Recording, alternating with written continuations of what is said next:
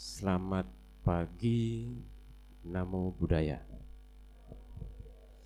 Ya, senang sekali pada kesempatan pagi hari ini saya diberikan kesempatan untuk memaparkan materi ya. Saya dengan saudara Franky di sini.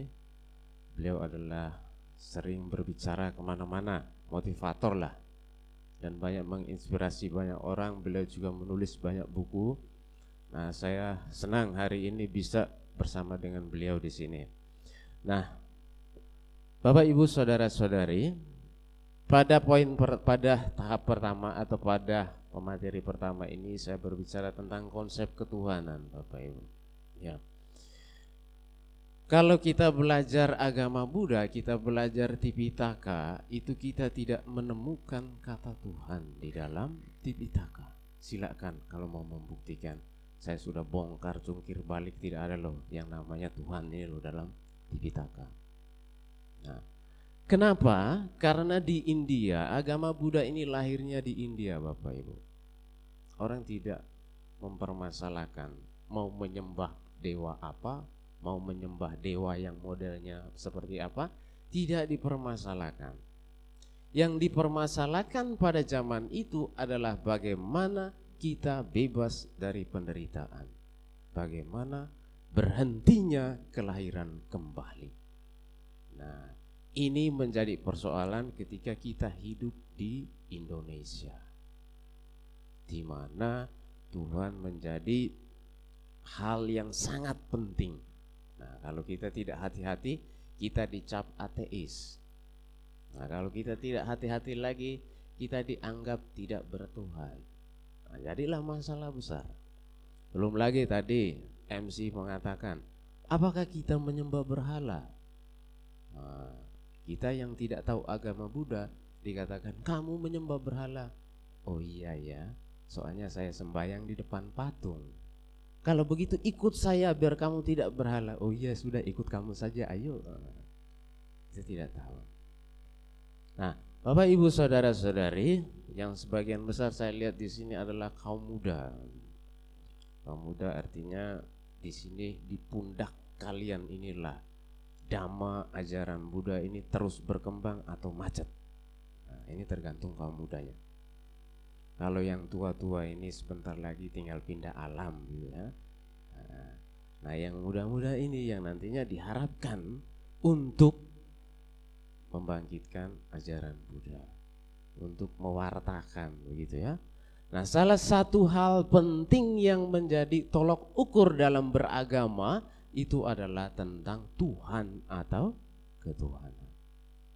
Nah, di sini nanti Bapak Ibu saudara-saudari akan bertemu ada dua istilah, ketuhanan dan Tuhan. Apa sih bedanya? Nah, ini materi sedikit berat ya. Nah, Makanya saya juga mau tidak mau buat slide. Kalau saya bicara sendiri, Bapak Ibu, saudara-saudara lihat saya bosan gitu. Ya. Lihat Bante lagi ngomong. Ada yang dilihat itu loh Bante, selain Bante, nah itu layar. Bisa pengalihan pandangan gitu kan. Manusia itu kan cepat sekali dia bosan jenuh lihat objek yang sama. Makanya diganti objeknya. Baik, Bapak Ibu saudara-saudari Nah, sebelum kita berbicara tentang ketuhanan dan Tuhan ini, tidak bisa dipungkiri di dalam peradaban manusia, manusia mengakui ada satu realitas tertinggi, ada satu pengalaman di luar pengalaman empiris manusia. Apa itu? Pengalaman mata melihat, telinga mendengar, lidah mengkecap, kulit merasakan. Nah, itu dikatakan pengalaman empiris manusia mengakui bahwa di luar itu ada pengalaman lain yang dikatakan pengalaman supranatural. Zaman dulu yang namanya gempa bumi, bencana alam, angin ribut itu sudah ada. Orang sakit pilek itu juga sudah ada. Dari zaman dulu sampai sekarang. Nah zaman dulu orang menganggap itu ada makhluk yang lebih berkuasa daripada mereka. Maka muncullah yang namanya dewa. Dewa ini pun banyak nanti ya.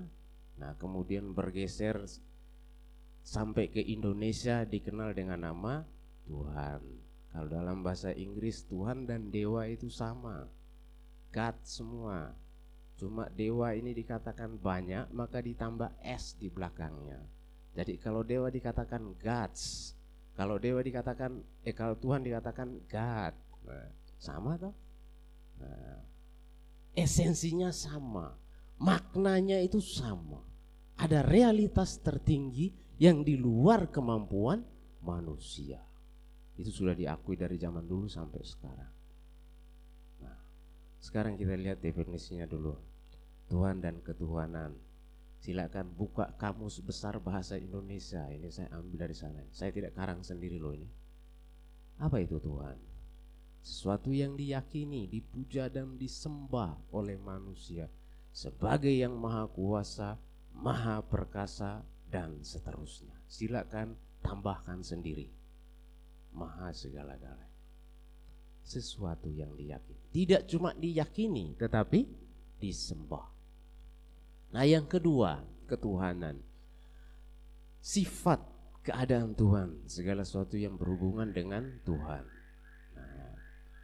Jadi Tuhan ini kemudian disertakan dengan sifatnya. Nah, disertakan juga dengan ada sifatnya yang mengikuti. Nah, sifat kasih, sifat apa namanya e, mutlak, terus sifat apa lagi? Sifat penyayang, penolong. Nah, itu dikatakan ketuhanan. Nah, kalau Tuhannya sendiri katakan apa?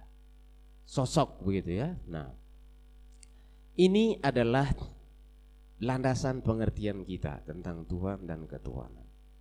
Bagi yang belum tahu, oh iya itu toh artinya toh. Bagi yang sudah tahu, makin mengingatkan kita kembali. Kenapa ini harus kita lihat Bapak Ibu Saudara-saudari? Karena yang namanya Tuhan ketuhanan ini dalam sejarah dia tidak pernah yang namanya uh, final, pengertian akhir dia selalu berubah dari zaman ke zaman. Kalau zaman dulu orang yang suka perang, maka Tuhan didefinisikan sebagai yang perkasa. Dan dia juga suka perang rupa-rupanya. Supaya apa? Untuk membela pasukannya. Makanya ada istilah kalau zaman kalau kita membaca literatur gitu ya. Literatur dikatakan Tuhan itu pencemburu, Tuhan itu apa ya e, tidak tidak mau dikhianati itu kan sangat manusiawi. Kenapa bisa muncul definisi seperti itu? Karena zaman pada waktu itu tidak seperti zaman di Salatiga ini loh. Orangnya adem ayam tenang gitu. Zaman dulu itu orang perang sana perang sana perang sini loh. Jadinya apa? Diciptakan Tuhan yang juga memang sukanya perang juga.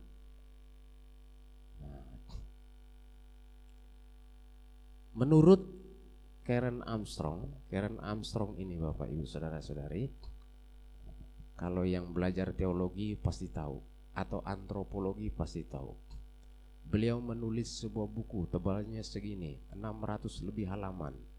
Judulnya adalah Sejarah Tuhan. Beliau berkisah tentang bagaimana konsep Tuhan ini berevolusi dari zaman purbakala sampai zaman sekarang. Sampai pertanyaan dia di akhir buku itu, masih adakah Tuhan saat ini? Masih adakah ruang untuk Tuhan bagi manusia modern saat ini? Karen Armstrong ini adalah sedikit saya cerita Bapak Ibu. Beliau adalah seorang biarawati Katolik, dia perempuan ini. Tujuh tahun dia bergumul untuk mencari Tuhan di dalam refleksi hidupnya tapi ternyata dia tidak menemukan apa-apa. Dia keluar dan dia menjadi seorang penulis, antropolog dan juga seorang eh, ini pembawa acara yang membahas tentang Tuhan dan lain sebagainya. Nah, yang menarik Bapak Ibu Saudara-saudari, dalam perkembangannya konsep ketuhanan ini berproses.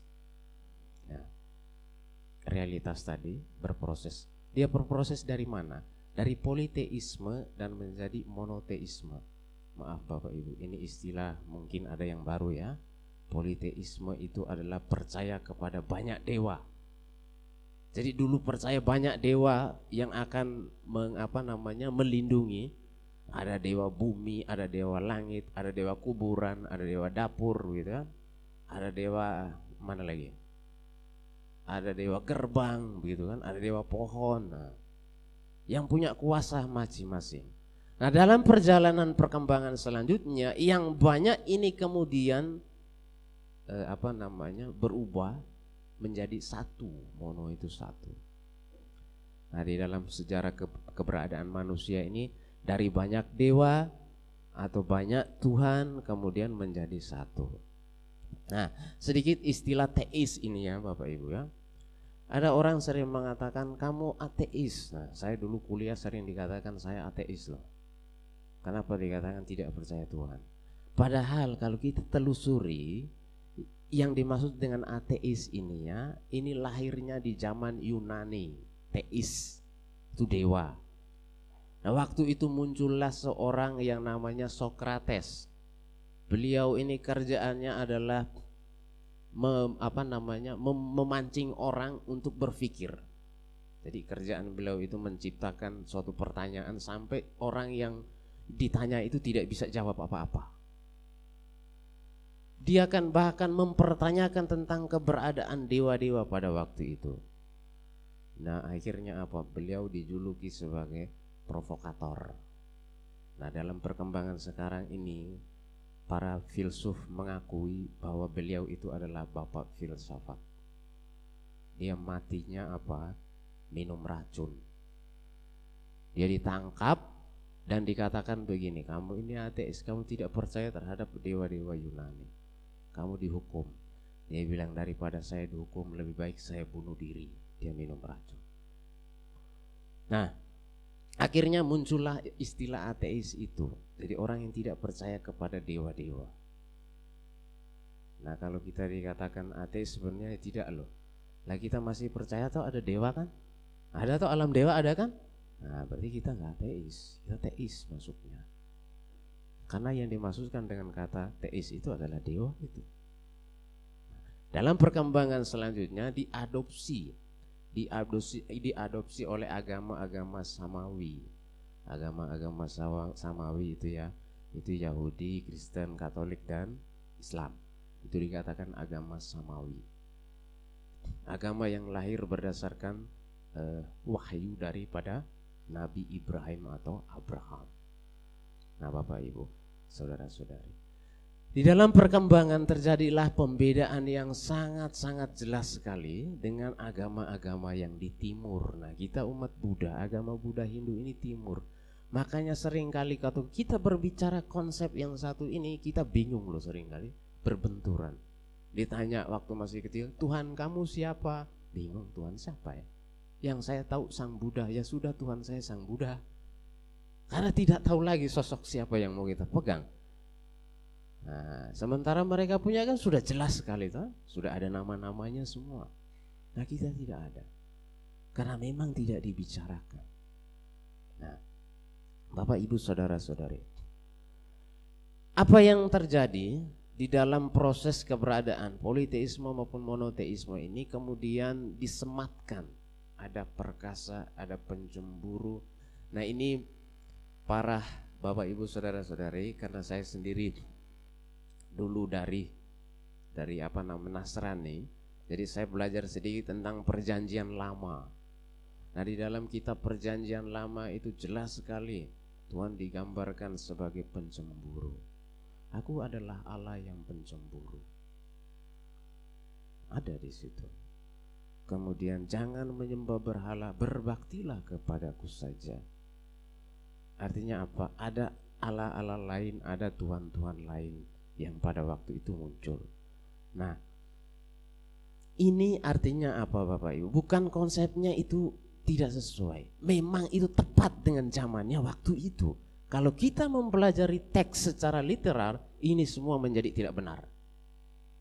Nah, tetapi karena memang kondisi pada waktu itu seperti itu, manusia yang saya ceritakan tadi Bapak Ibu sukanya berperang, maka muncullah yang seperti itu, yang pemarah dan lain sebagainya. Akhirnya apa? Tuhan yang diciptakan pun Tuhan yang seperti keadaan budaya waktu itu. Nah, selanjutnya, nah ini yang menarik. Dari personal God menuju impersonal God. Apa personal God? Personal God itu adalah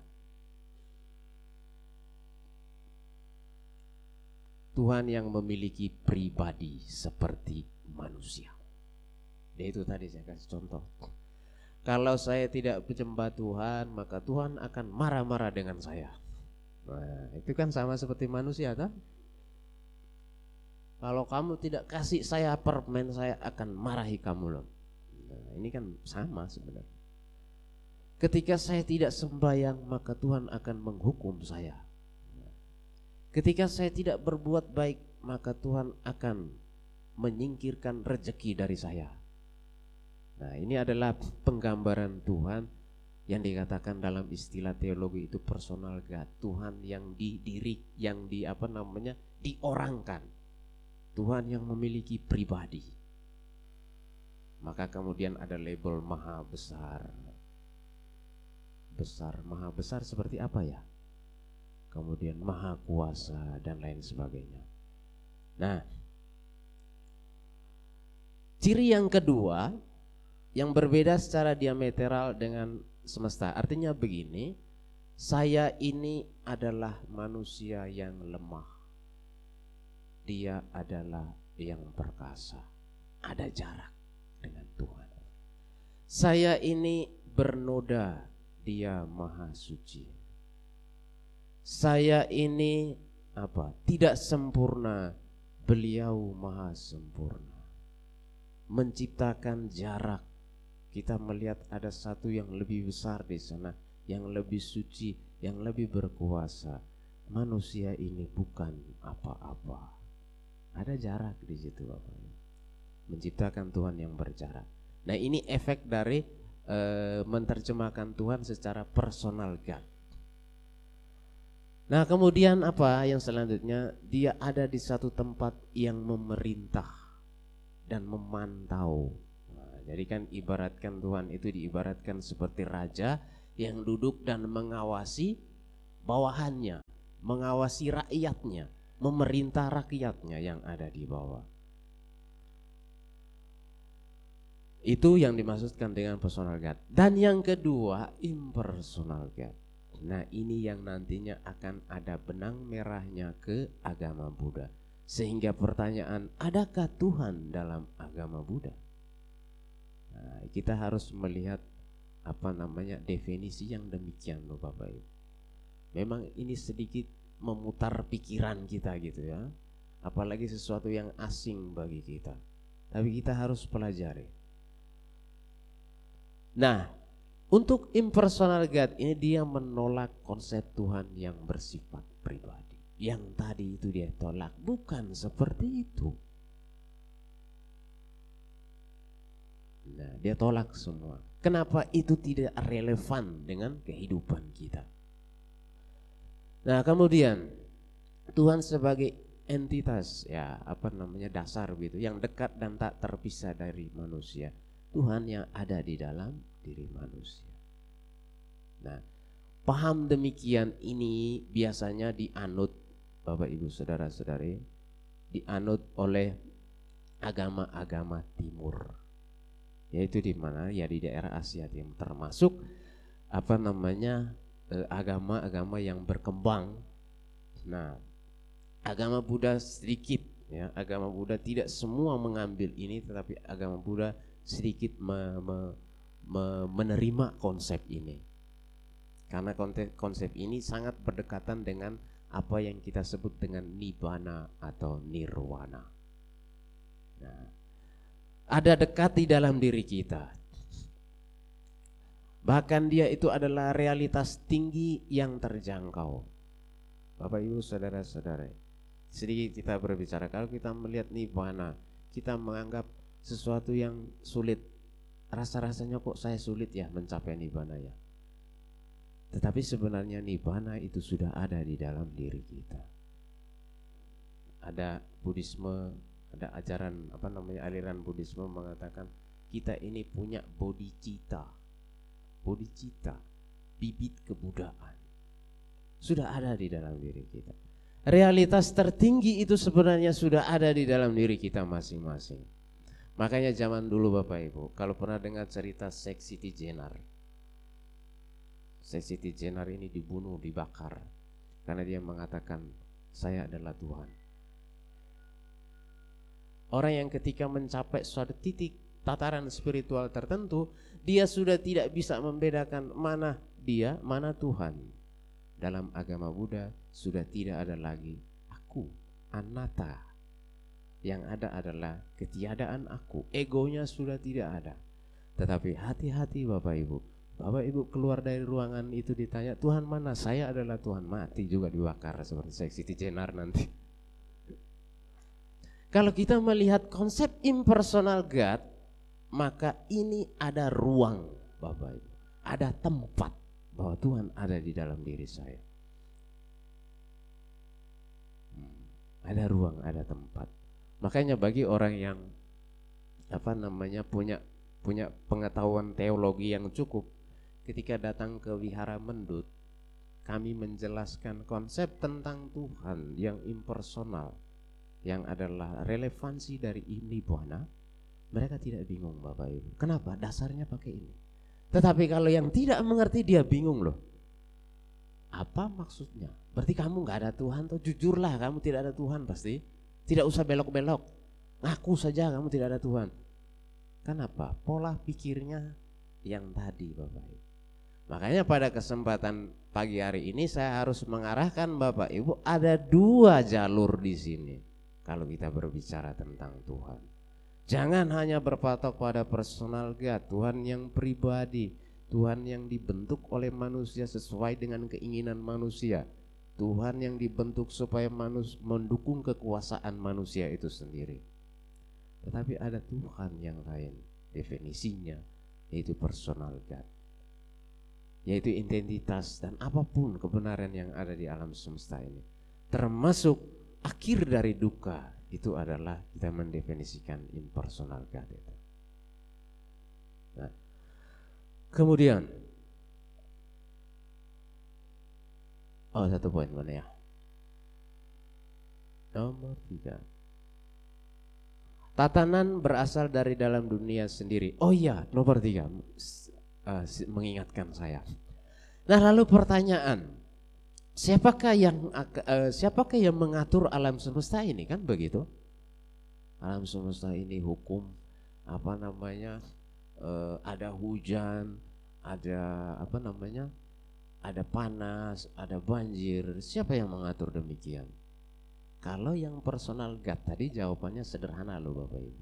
Ya Tuhan yang ngatur pusing amat. Sudah urusan beliau itu. Tetapi kita ketika kita kita berbicara tentang impersonal God ini, ya tatanan berasal dari dalam dunia. Ya dunia sendiri inilah yang mengatur. Yang di dalam agama Buddha kita kenal dengan hukum kama. Utuniyama.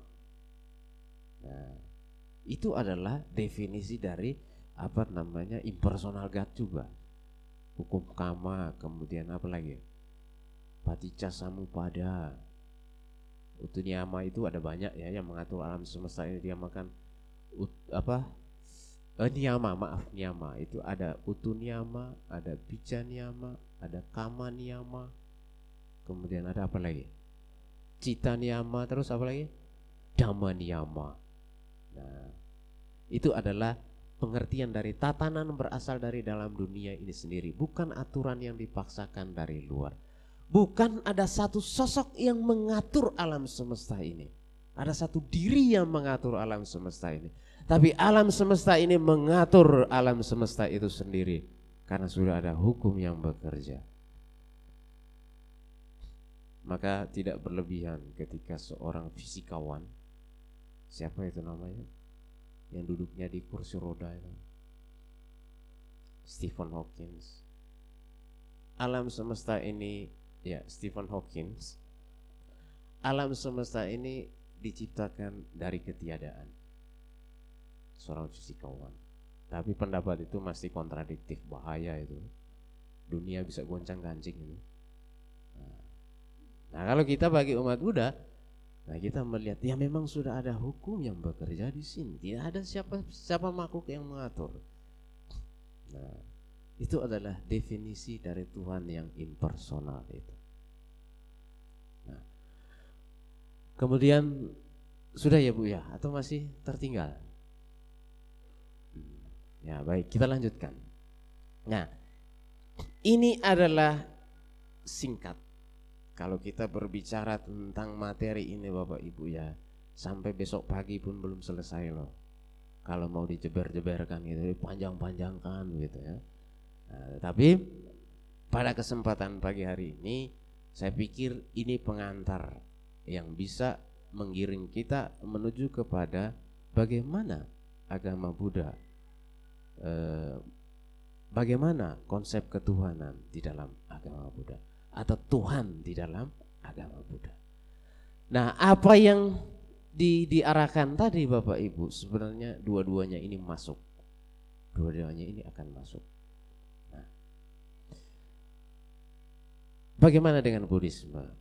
Di dalam agama Buddha, di dalam sutta itu ada istilah isara atau iswara Isara atau Iswara itu adalah pencipta, dewa pencipta dalam literatur dijelaskan seperti itu.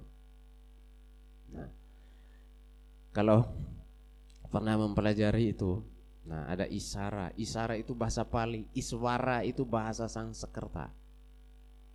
Jadi sebagai pencipta. Nah, namun menariknya Sang Buddha memprotes ini.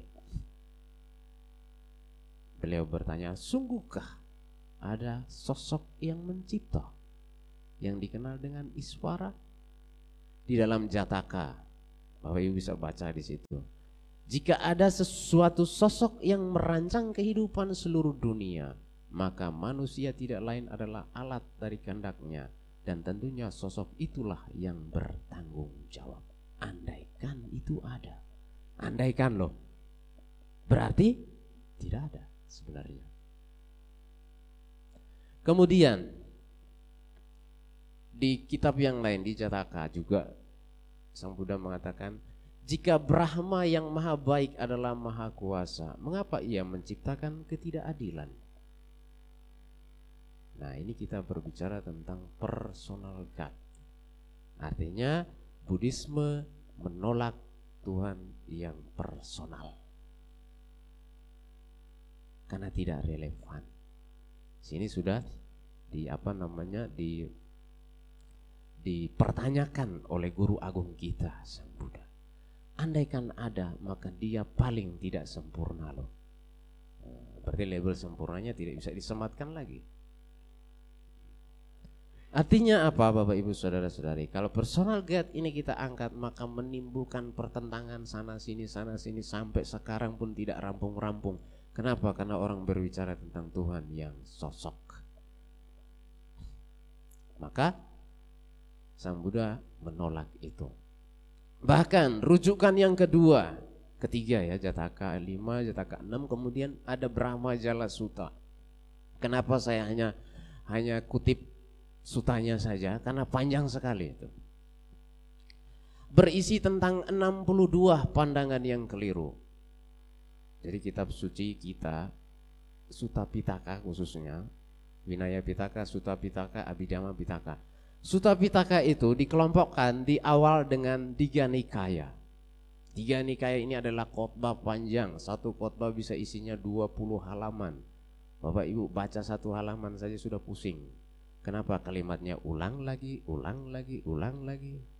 Nah, tetapi yang menarik Bapak Ibu Saudara-saudari. Di Nikaya 1 Sang Buddha memaparkan ada 62 pandangan. Dan pandangan itu tidak sesuai dengan pengalaman dari Sang Buddha. Dalam arti apa? Ketika beliau mencapai kebudaan, beliau melihat ada fenomena pandangan seperti itu. Jadi dari 62 pandangan ini Bapak Ibu, Itu kalau kita tidak teliti pelajarinya sebenarnya semuanya kok sama ya, kok mirip ya, bedanya apa ya ini ya. Karena apa? Karena itu sangat halus. Nah, dari 62 itu ada satu yang berbicara tentang Maha Pencipta. Itu di Brahma Jala Sutta. Halaman keberapa saya lupa. Nah, di situ diceritakan begini Bapak Ibu. Saya ceritakan saja ya, saya ceritakan bahwa pada waktu itu ada yang namanya dewa Brahma tepatnya bukan dewa lagi. Dewa itu masih di bawah Bapak Ibu Brahma itu lebih di atas. Brahma ini karena kama baiknya habis dia terlahir di alam yang kosong. Nah pada waktu itu dia punya angan-angan kok bete banget ya saya sendirian. Pengen ada temen yang datang nemenin gitu loh biar ramai sedikit. Kok saya sendiri sepi ya? Ini bahasa saya ya bapak ibu ya ini bahasa saya. Saya ambil intisarinya saja. Kok bete banget ya saya sendirian. Eh tiba-tiba dia berpikir begitu muncullah makhluk-makhluk dewa di sekitar dia. Wah saya adalah pencipta. Karena begitu saya berpikir ini anak buah pada datang semua ya. Datanglah mereka. Dia sudah mengklaim saya ini penguasa, saya ini pencipta loh. Buktinya apa? Kalian datang itu karena saya berpikir. Nah, Bapak Ibu silakan buktikan di rumah ya. Saya pengen makan bakso ya. Eh tiba-tiba ada teman yang datang bawa bakso. Apakah Bapak Ibu yang menciptakan itu? Nah ini kasusnya si dewa ini juga sama Brahma ini begitu. Dia lagi mikir begitu tiba-tiba datang. Oh sayalah pencipta. Yang datang belakangan pun berpikir, oh iya ya, dia ini kok lebih berkuasa ya. Pasti dia penguasa di sini. Kita kan datangnya belakangan. Dan menurut ceritanya dia, kita datang ini gara-gara dia berpikir kita jadi datang. Eh bodoh juga mereka ya selama hidupnya mereka itu terjadilah ada pencipta yang dan yang diciptakan. Dan bawa ibu saudara-saudari, si Brahma yang datang duluan tadi umurnya panjang sekali. Bumi ini hancur, terbentuk dia masih hidup. Hancur, bentuk lagi dia masih hidup. Wah hebat. Nah yang datang belakangan ini umurnya pendek. Apa yang terjadi? Tiba-tiba dia mati, dia lahir jadi manusia. Nah sampailah dia di manusia. Bakat dia sebagai Brahmana ini masih Brahma ini masih ke bawah. Apa? Hidup menyendiri Brahma. Maksudnya hidup menyepi begitu, meditasi. Begitu dia besar, dia memutuskan saya meninggalkan kehidupan duniawi, saya jadi pertapa. Eh begitu dia bertapa, Bapak Ibu Saudara-saudari. Dia ingat satu kali kehidupan dia dan satu kali kehidupan itu dia ingat ketika dia di alam Brahma. Oh iya, di sana ada Bapa Maha Pencipta. Saya ingat, saya ini dulu berasal dari sana. Berarti saya harus kembali ke sana.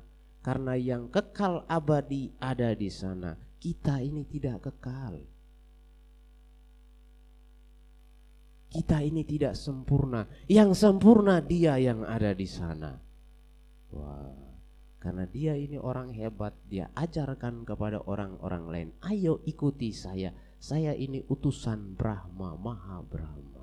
Dialah yang menciptakan kita. Nah, yang manusia tidak mengerti apa-apapun, oh iya ya saya kan tidak sempurna. Saya kan nanti mati. Habis mati saya pasti hidup kekal bersama Brahma di atas sana skenario diciptakan loh Bapak Ibu.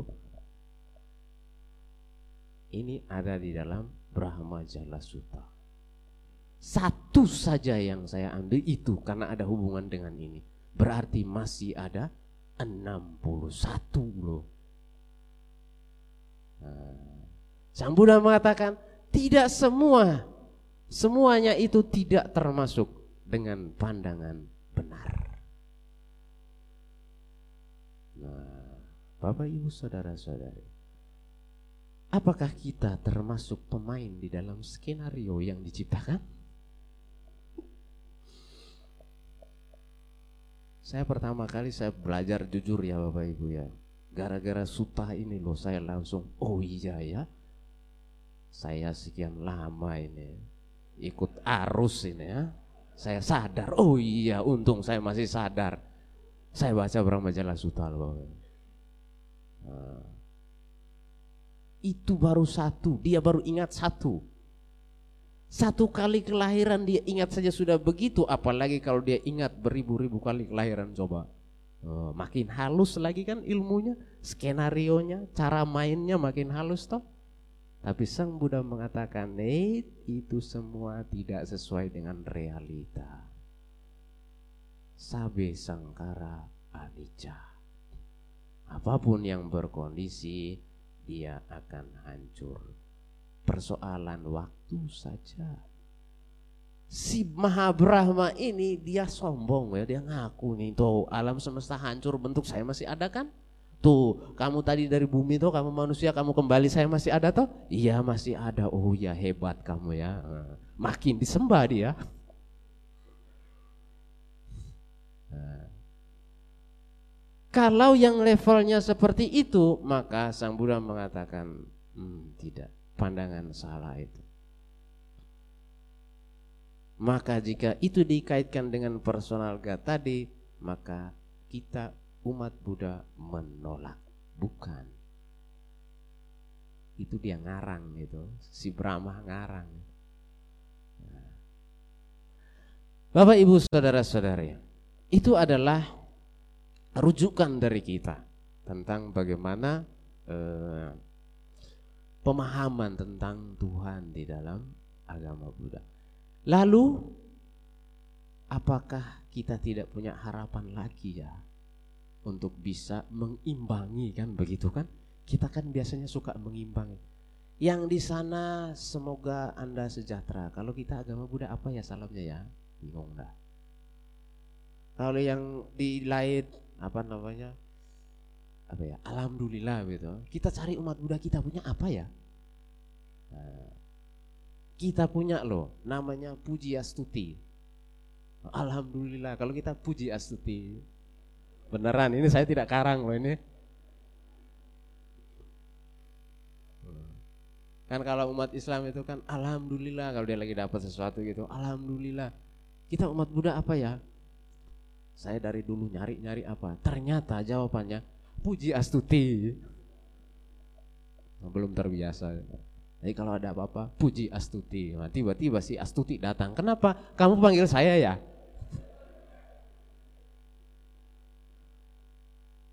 Nah, ya, Bapak Ibu saudara-saudari, terkait tentang realitas tertinggi, maka kita tidak bisa pungkiri.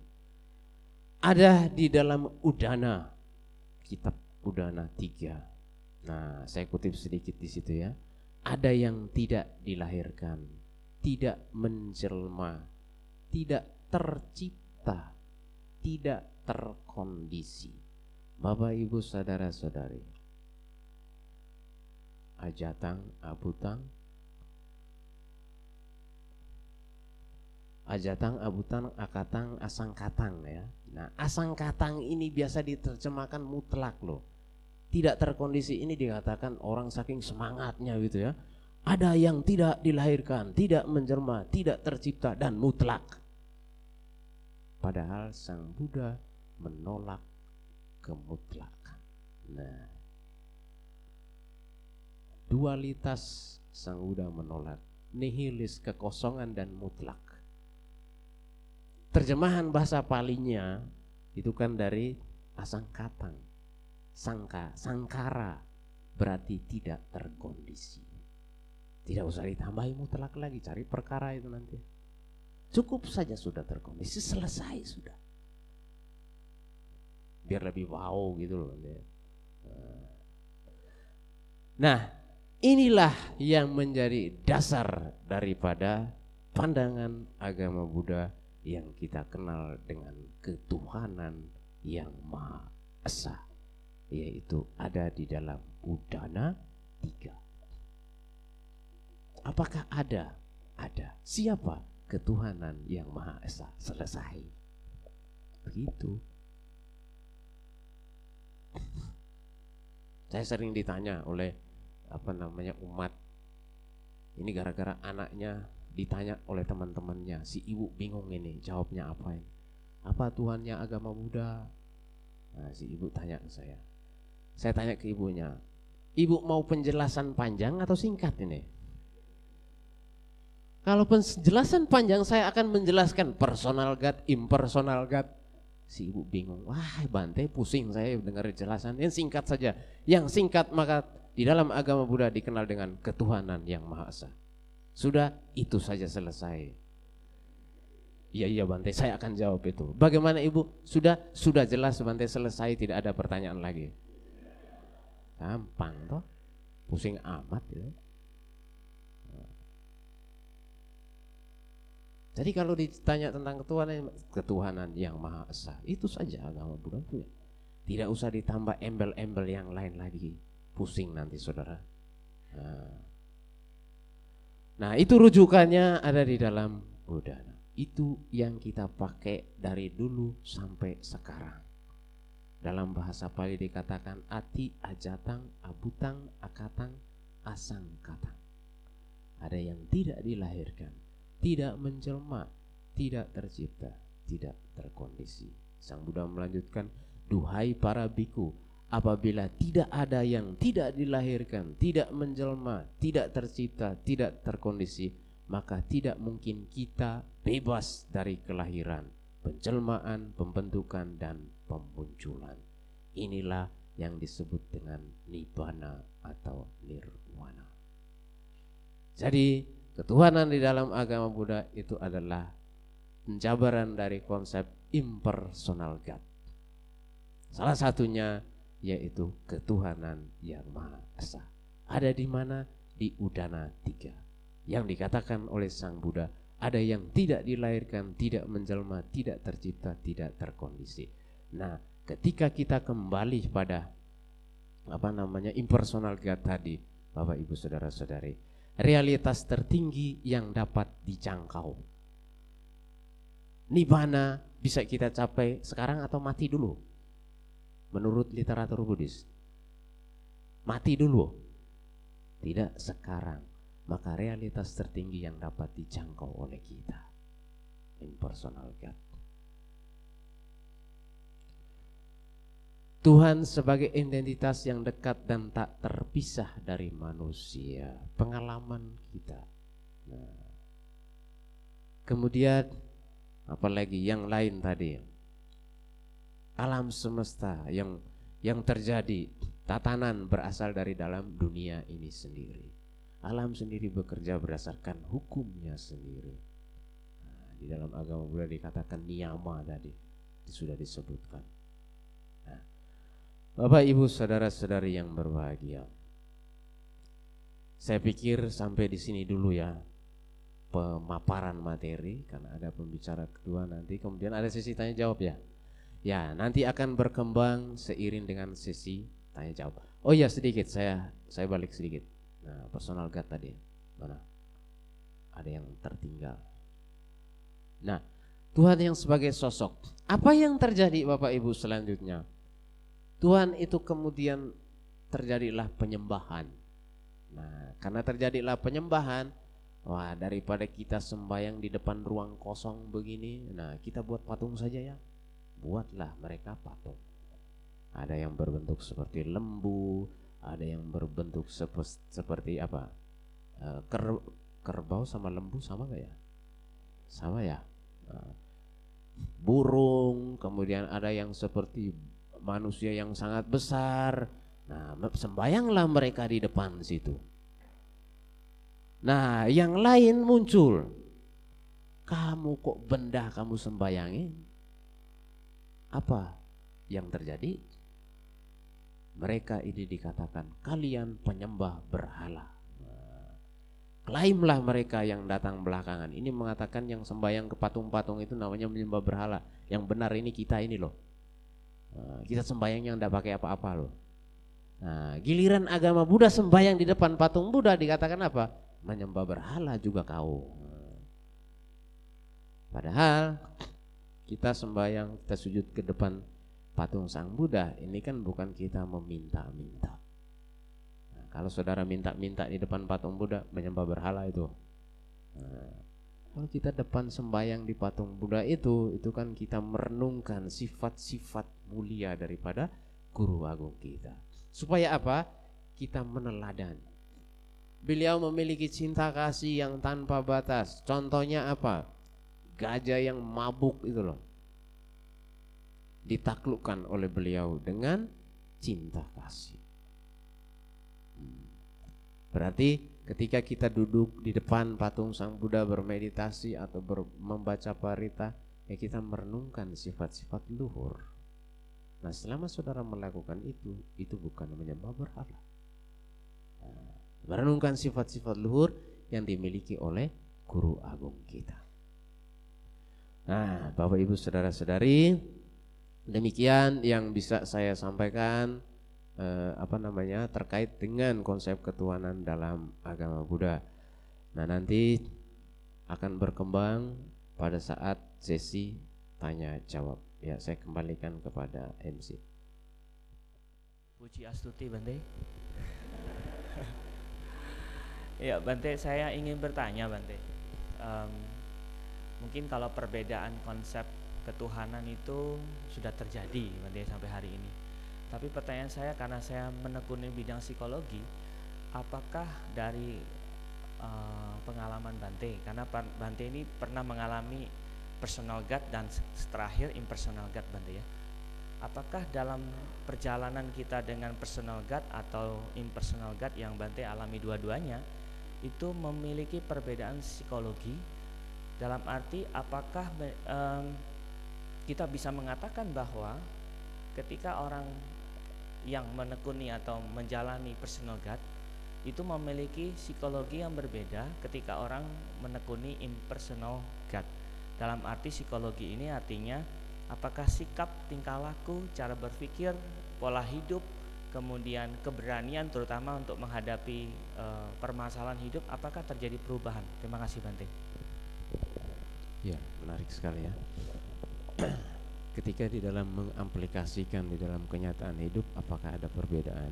Nah, terkait dengan pengalaman saya, awalnya saya merasa ada perbedaan yang sangat tajam.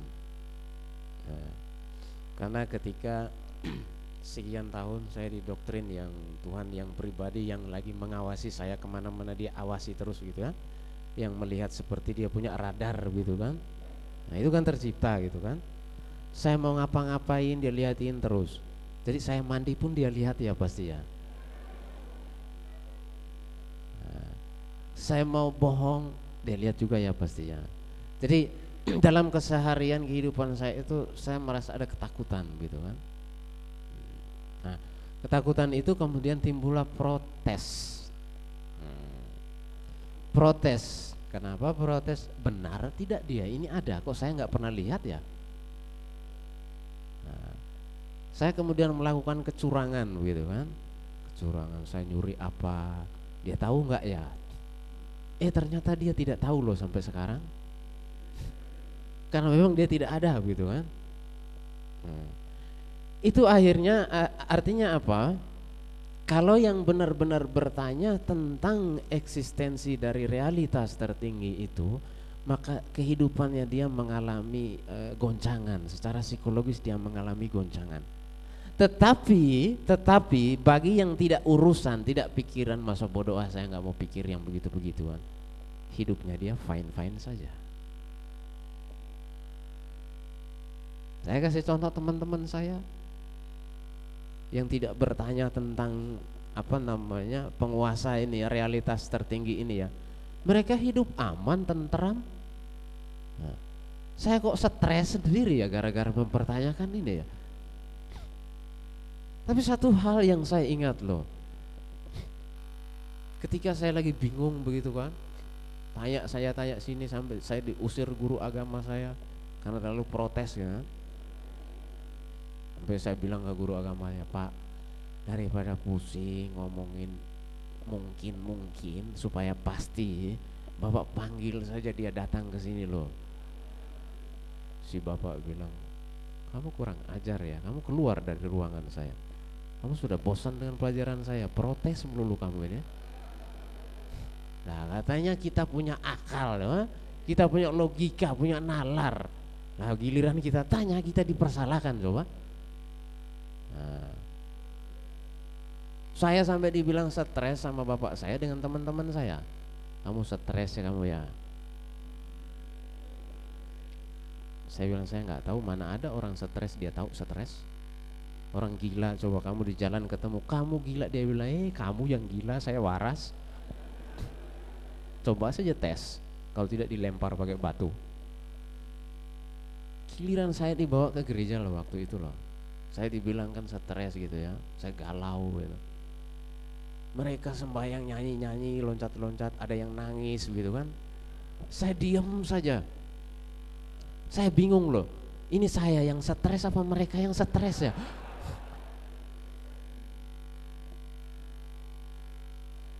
Nah, jadi ini ini pertanyaan tentang saudara Franky tadi, bagaimana ketika berada di dalam imper personal God tadi, secara psikologi gimana? Ya itu mental saya jadi begitu loh.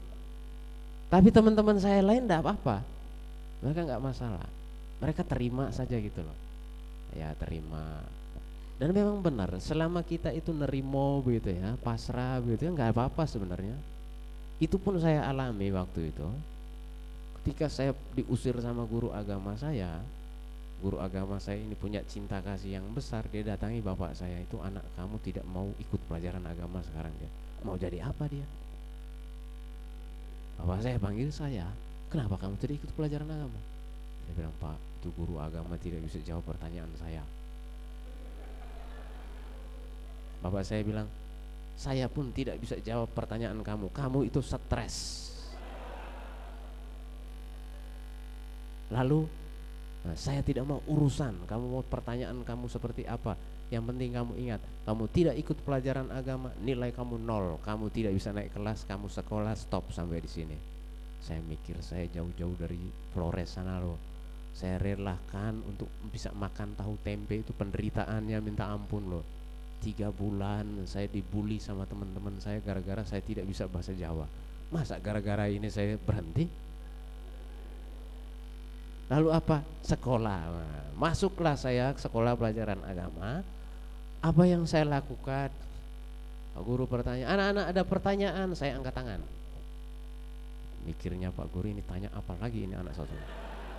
Dia sudah begini loh. Saya bilang, Pak tidak ada pertanyaan. Yakin, jelas, jelas sekali Pak. Tiga tahun saya menjadi anak yang baik. Nah, buktinya apa? Guru agama saya bahagia loh. Nah bahagia. Nah, jadi terkait tentang personal God. Itu kembali kepada orang itu sendiri. Selama dia tidak nyaman dengan itu maka akan terjadi permasalahan e, perilaku daripada yang bersangkutan. Tapi kalau dia nyaman maka fine fine saja.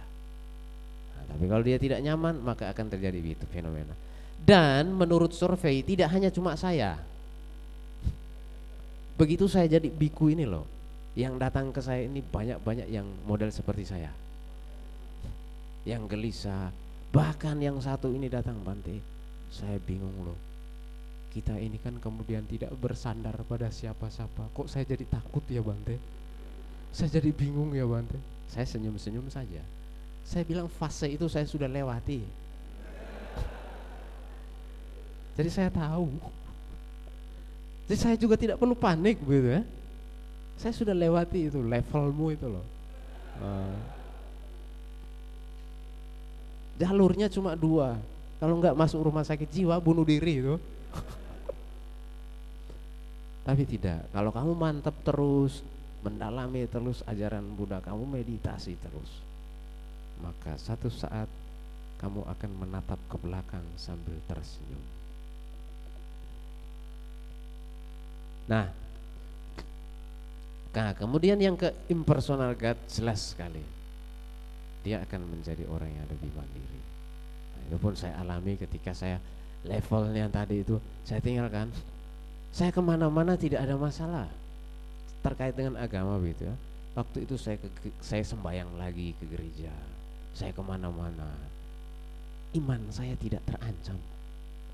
Oh kalau dulu wah tidak bisa loh saya bilang mati-matian. Saya bertengkar saya teman saya yang apa Islam waktu itu hanya karena apa? Mempertentangkan Abraham sama Ibrahim ini loh. Sejarah kami kan sama. Nah ceritanya begini Bapak Ibu. Saya dengan teman saya itu sampai gontok-gontokan di kamar, di kamar saya itu.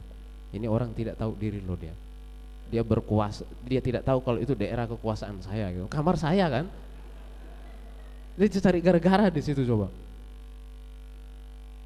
nah, menurut dia yang dipersembahkan oleh apa namanya eh, Nabi Ibrahim gitu kan itu kan eh, Ismail.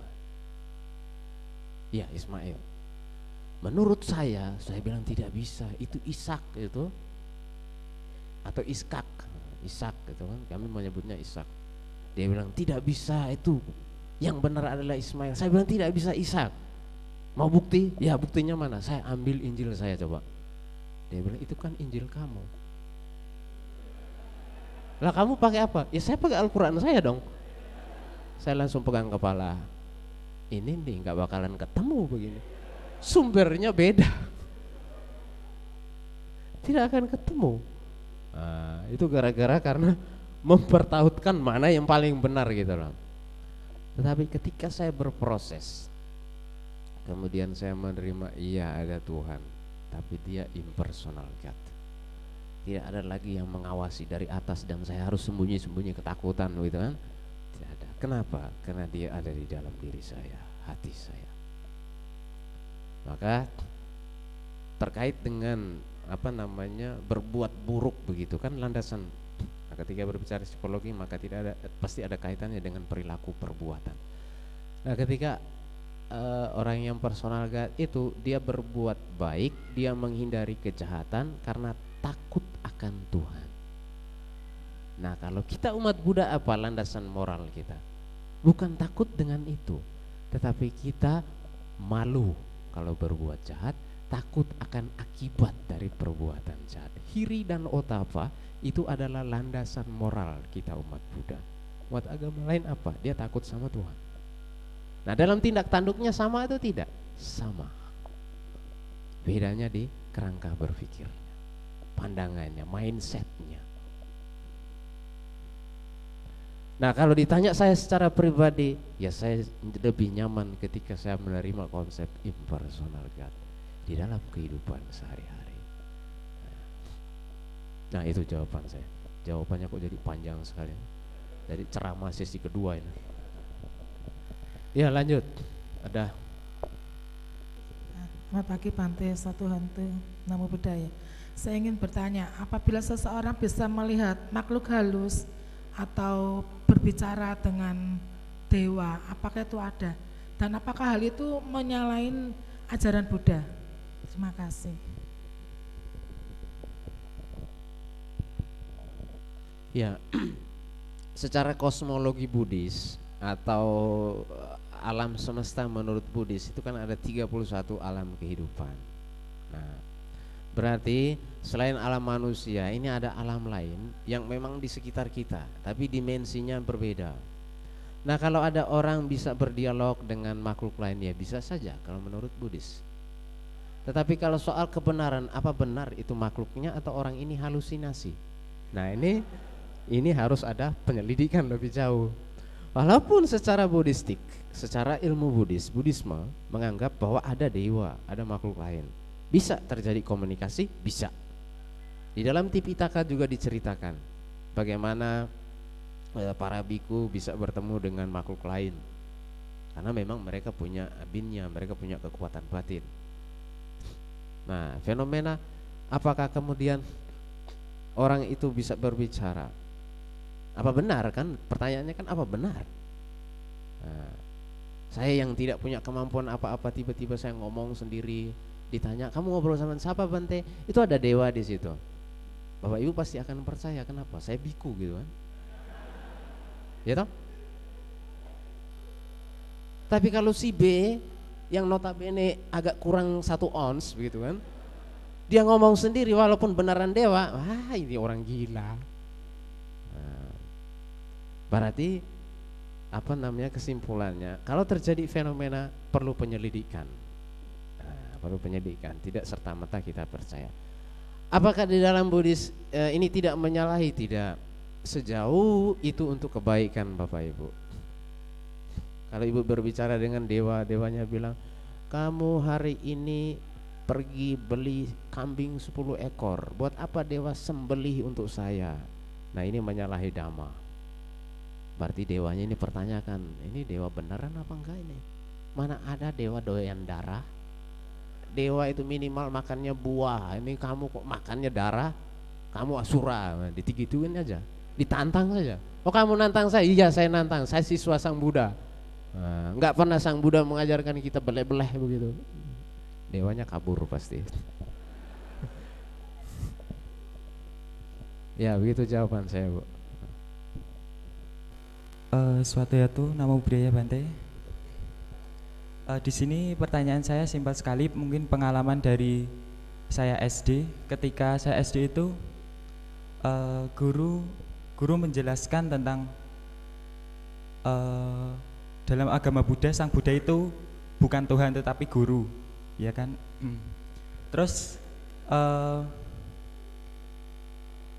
teman saya waktu itu teman saya yang berbeda agama menanyakan dalam agama Buddha itu Tuhanmu siapa gitu Terus ketika itu kan saya bingung, saya bingung mau menjawab bagaimana bahwa guru agama saya tidak menjelaskan Tuhan tetapi hanya menerangkan bahwa Sang Buddha itu adalah guru. Nah itu yang saya tanyakan di sini eh, bagaimana jawaban terbaik untuk menjelaskan kepada yang berbeda agama begitu. Terima kasih. Jawabannya Tuhan yang Maha Esa.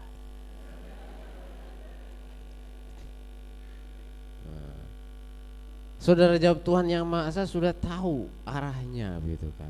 Tuhan yang mana? Oh iya, impersonal God tadi itu loh. Yang ada di mana-mana, yang bisa kita capai. Nah, yang tidak dilahirkan, yang tidak tercipta. Ya cuma itu saja. Tuhan yang agama Buddha, Tuhan yang Maha Esa. Selesai, iya selesai. Sang Buddha cuma bilang begitu saja. Nah, begitu daripada nanti saudara bulat jelasinnya dia makin bingung. Nah dia serang balik kita yang pusing lagi nanti. Uh, ya memang Tuhan yang Maha Esa. Itu pun ada di dalam Pancasila sila pertama. Secara hukum kita tidak melanggar. Hukum negara dasar negara loh itu. Kita akui itu. Uh, itu jawaban yang paling sederhana dan aman terkendali kalau dia tanya lain-lain lagi, lalu bagaimana dengan alam semesta ini? Iya, alam semesta ini ada dengan sendirinya. Ya, itu di dalam agama Buddha. Nah, kalaupun memang ada apa namanya, eh, kalau begitu, yang lain-lain maha kuasa, maha apa segala macam. Nah itu kita arahkannya ke hukum alam.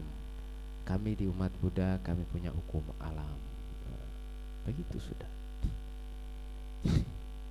Nah, itu untuk yang sederhana ya. Nah, nanti kalau yang penanya ini levelnya dia mengerti tentang teologi, dia mengerti tentang ini, nah baru kita jelaskan nah, tentang impersonal God dan lain sebagainya. Nah, tapi kalau yang masih kecil begitu, ya sudah kasih tahu saja Tuhan yang Maha Esa sudah. Nah, dia pusing juga nanti. Nah, intinya kan karena memang Bapak Ibu Saudara-saudari Eh, Sang Buddha tidak berbicara ini terlalu banyak. Kenapa? Itu hanya akan menimbulkan spekulasi kosong. Dan pada akhirnya orang lupa tentang tujuan hidup.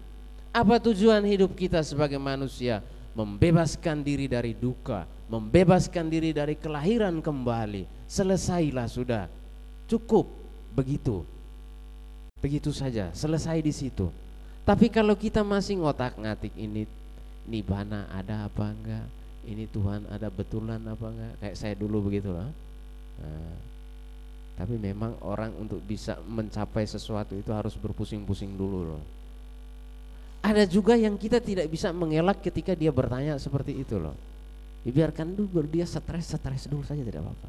Nah, yang sekarang ini banyak yang begitu-begituan. Dia akan berpusing-pusing dulu mencari ke sana kemari ke sana kemari Habis itu, oh yang saya cari itu ternyata ada di dalam hati toh. Tapi kalau itu kita kasih tahu dia tidak akan mengerti loh. Dia harus pusing dulu. Yaitu tipe manusia. Nah, karena tujuan Sang Buddha mengajarkan dhamma ini untuk membebaskan kita dari duka, mengakhiri penderitaan ini, maka yang lain-lain itu diabaikan.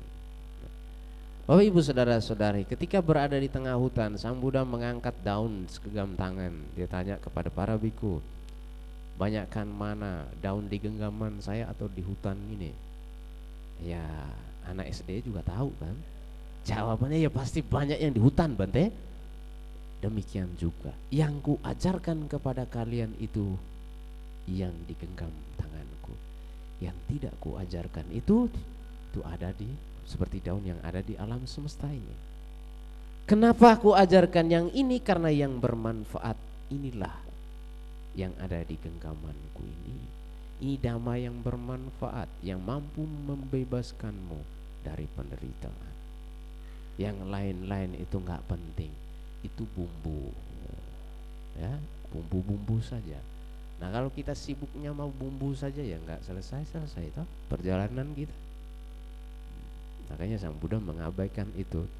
Tetapi ketika kita berada di sini di masyarakat yang sangat membutuhkan realitas tertinggi mengakui itu, maka kita membangun toleransi. Kita melihat tapi jangan jauh-jauh, nanti ikut-ikutan pusing juga kita.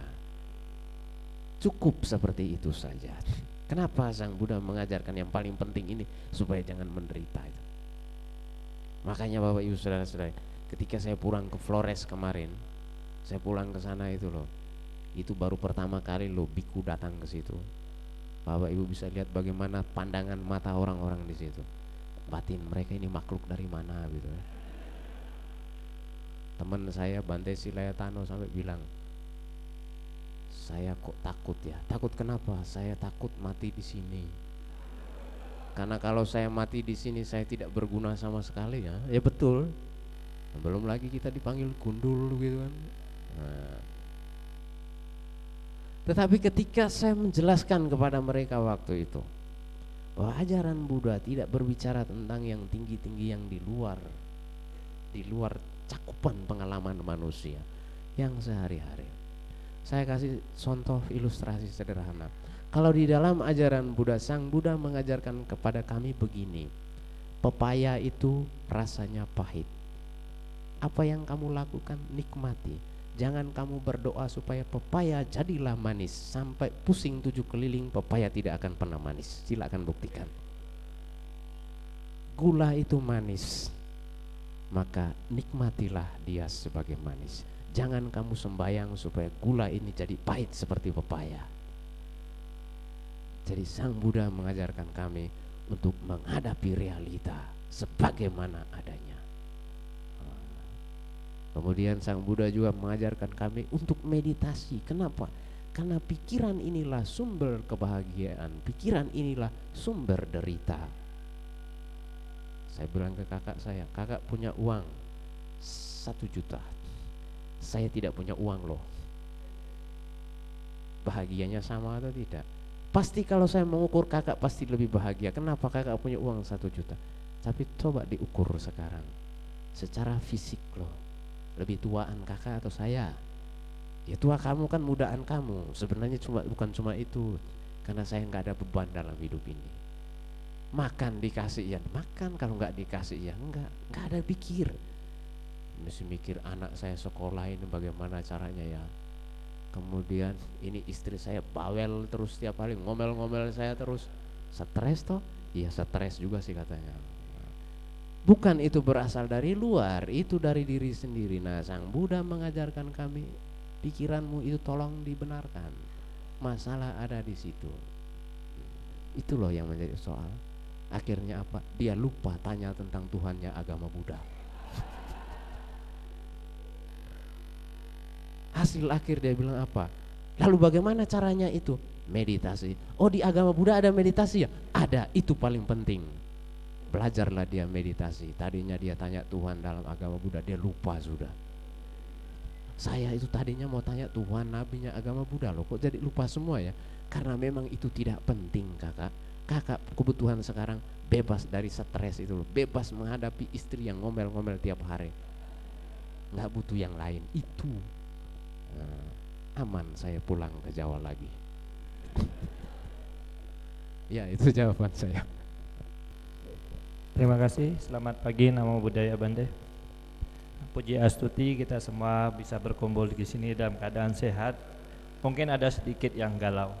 Nah, ini Bante tergan uh, apa berhubungan dan galau tadi. Kan banyak sekarang realita yang ada pada saat orang galau atau stres pergi ke dukun atau sebagainya. Menurut agama Buddha, apakah itu diperbolehkan dan praktek perdukunan itu juga menurut agama Buddha pandangannya seperti apa? Karena banyak umat yang percaya ke dukun, mungkin dari Buddhis percaya ke dukunnya yang berbeda dan itu berhasil sampai pindah agama. Itu kan berbahaya juga buat agama Buddha. Dan menurut agama Buddha, apa boleh praktek itu? Terima kasih Bante. Selamat pagi, Namo Buddhaya. Ya. Fenomena kehidupan ya. Sebelum saya jawab, ada cerita ketika saya masih di Jakarta didatangi oleh seorang umat dengan wajah yang hopeless apa ya, e, sudah tidak berdaya lah. Saya bantai punya penyakit ini tidak sembuh-sembuh. Sudah berobat ke dokter, sudah bantai, keluar negeri semua hampir saya datangi. Wah. Kemudian saya juga sudah ke dukun bantai yang terakhir justru uang saya habis gara-gara kedukun. Terus ke sini karena Bante tidak dibayar begitu ya. Giliran uang habis baru cari piku ya, cari Bante. Ya. Nah, akhirnya apa saya menjelaskan dia dan menganjurkan dia untuk ikut namanya retret meditasi. Karena dia punya penyakit pikiran namanya psikosomatik namanya psikosomatik. Nah ini memang harus salah satunya cara adalah dia sendiri yang yang menyembuhkan gitu kan? Bukan obat. Nah, terkait tentang dukun begitu ya. Ya memang apa namanya di dalam ajaran Buddha sendiri kalau yang bersifatnya klinik begitu tidak dianjurkan oleh Sang Buddha. Karena itu melibatkan makhluk lain juga. Melibatkan makhluk lain, nanti itu dampaknya akan lebih besar. Belum lagi melibatkan makhluk lain ini kalau yang benar. Yang tidak benar punya lebih banyak loh sekarang ini yang saya ceritakan tadi itu pasien yang datang. Kenapa dibohongi sampai habis-habisan? Entah dihipnotis lah, entah diapain lah. Nah, jadi kalau kalau di dalam ajaran Buddha dianjurkan tidak perlu ke dukun. E -e. Ngapain juga ke dukun gitu kan? Itu dampak negatifnya lebih besar. Tapi kan ada Bante yang bisa lebih baik. Iya, itu karena karma baiknya dia besar loh silakan survei, lakukan pendataan. Yang keluar dari dukun, yang berhasil dengan tidak berhasil berapa? Nah, coba survei berapa banyak itu? Saya belum pernah survei. Karena pasti yang digembor-gembor itu yang berhasil biasanya. Tapi berapa banyak yang tidak berhasil? Sama seperti kasusnya ini loh Bapak Ibu, kalau belajar dhamma, baca di Tipitaka, Kok enak ya zaman dulu orang baca dengar sang Buddha khotbah langsung pencerahan ya. Kita ini ceramah dengar ceramah sampai 100 kali enggak ceramah yang ada malah butek semua ini pikiran. Nah, Bapak Ibu Saudara-saudara, kita hanya melihat yang berhasil itu toh. Padahal di suta-suta diceritakan, sekali sang Buddha khotbah itu kan beribu-ribu toh. Yang cerah itu yang diceritakan di situ kan paling paling punya 100, 1, 2, 3 orang yang dibukukan di Teragata Terigata. Nah, yang tidak berapa banyak coba? Nah, praktek kedukunan pun sama. Jangan kita tertutup dengan yang berhasil. Yang tidak berhasil itu lebih banyak. Tapi mereka malu untuk mengungkapkan. Malu. Kenapa saya orang pintar kok dibohongi sama dukun? Lebih baik tidak saya ceritakan. Itu banyak Nah, yang mengaku berhasil dia akan dengan bangganya saya berhasil gara-gara si ini loh, si itu loh, si ini. Nah, kita yang tidak punya uh, kacamata kebijaksanaan, pemahaman damanya pun lemah, mudah ter apa namanya terpengaruh oleh iming-iming, kita ikut ke sana. Nah, padahal itu membelot, itu tidak tidak apa ya, tidak membantu. Nah paling aman itu Bapak Ibu berbuat baik sudah Praktek sila, praktek meditasi, praktek berdana itu loh Dana, sila, bawana Itu Itu saja sudah sudah sudah membantu Tinggal tunggu eh, apa namanya tunggu hasilnya Nah andaikan ada orang yang terbantukan Ini juga sebenarnya berkat dari kama baik dari yang bersangkutan itu Ya. Jadi di dalam dhamma tidak diperkenankan. Nah, kenapa? Karena efek negatifnya lebih banyak dibandingkan dengan efek positif. Orang kalau sudah belajar dhamma, berbuat baik, dia tidak perlu lagi lari-lari ke dukun. Kalaupun memang ada yang memberikan masukan ya terima, yang baik saya terima, yang tidak baik apa namanya maaf saya tidak terima. Ya itu jawaban saya. Nama budaya Bante uh, Yang ingin saya tanyakan uh, Bagaimana akibat umat Buddha yang masih mempercayai uh, Tuhan sebagai personal God Apakah dengan mempercayai Tuhan sebagai personal God Tidak bisa memperoleh kebahagiaan atau uh, menyelapkan uh, melenyapkan penderitaan Iya uh, semua berawal dari pandangan. Ya, apa yang di, di, disampaikan oleh Sang Buddha di Tiga Nikaya belum mengawali dengan pandangan. Kemudian di Majjhima Nikaya beliau, beliau mengawali juga dengan di Samaditi Sutta beliau mengawali dengan pandangan. Jadi pandangan pandangan pandangan ini inilah yang menjadi navigator yang mengarahkan kita menuju kepada pembebasan sejati. Nah, dhamma yang diajarkan Sang Buddha ini adalah ajaran yang membebaskan kita dari kelahiran kembali, dari duka, dari apa namanya duka itu sendiri. Nah, anicca, duka, anatta. Nah, persoalannya adalah orang yang demikian kalau dia lebih mendalami lagi dia akan berbenturan yang di anatta ini loh. Uh, tidak ada apa-apa sebenarnya. Tapi kan ketika orang melihat sebagai personal guide kan dia akan memegang kukuh, ada sesuatu yang dia pegang. Nah, nggak ada anatta ini. Nah kalau di dalam perilaku sehari-hari sama seperti yang ditanyakan oleh saudara Franky tadi, apakah ada perbedaan ketika uh, dia menganggap itu lebih nyaman dan membuat dia menjadi lebih baik, menjadi bahagia, tidak ada masalah. Nah, tetapi kalau kita mau kita mau mendalami lagi kepada hakikat daripada kehidupan ini, bebas dari uh, apa namanya duka, mampu memahami anicca, duka, anatta maka akan ada kesulitan di anata ini. Nah, ini secara secara apa namanya? secara secara ajarannya begitu. Ada perbedaannya di situ, Mas. Kalau dalam perilaku sehari-harinya kan tidak ada masalah. Kita bisa berhidup berdampingan, kita bisa berbahagia. Tetapi ketika kita akan lebih memperdalam lagi kepada pemahaman anicca duka anatta, maka akan ada kesulitan. Nah, nah, untuk orang yang masih ke situ kalau masih bisa kita apa namanya bimbing untuk memberikan pemahaman yang lebih jauh, nah kita lakukan. Tapi kalau memang yang bersangkutan masih nyaman di situ ya tidak apa-apa. Selama dia tidak melanggar sila ya fine-fine saja. Ya itu jawaban saya.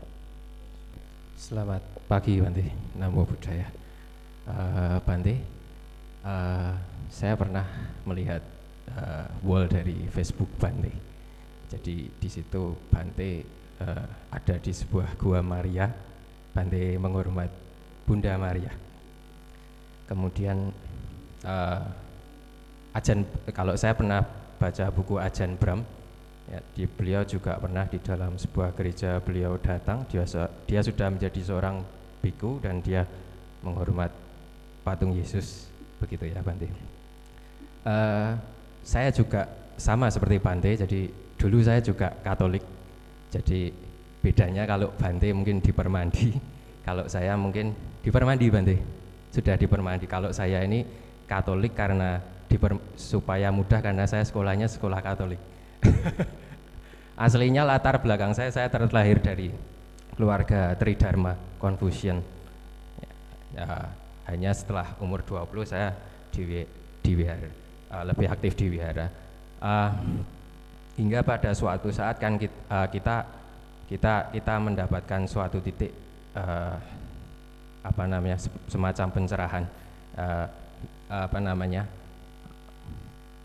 uh, hidup ini kan apa namanya memupuk kebajikan ya. Sebagai umat Buddha kita perlu apa menambah ya, keyakinan pada Buddha. Tetapi kan kalau kita bicara tetangga-tetangga kita kita kan ada kita kan tidak bisa mengatakan Yesus itu maaf mungkin orang jahat kan enggak gitu mereka tetap orang baik. Bunda Maria juga orang baik, ya kan. Muhammad, Nabi Muhammad juga punya nilai-nilai positif.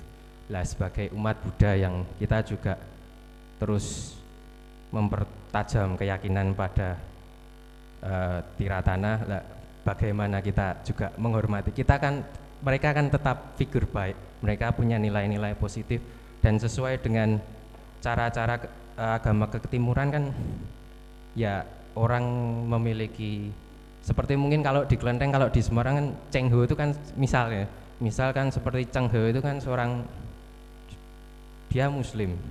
Tapi oleh orang Tionghoa karena keba, karena punya nilai nah yang ingin saya tanya sebagai umat Buddha bagaimana? Kita kita kan menghormati figur-figur seperti itu.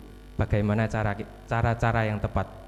Mungkin Bante bisa berbagi untuk uh, kita. Jadi biar uh, keyakinan kita tetap pada tiratana tidak berubah gitu.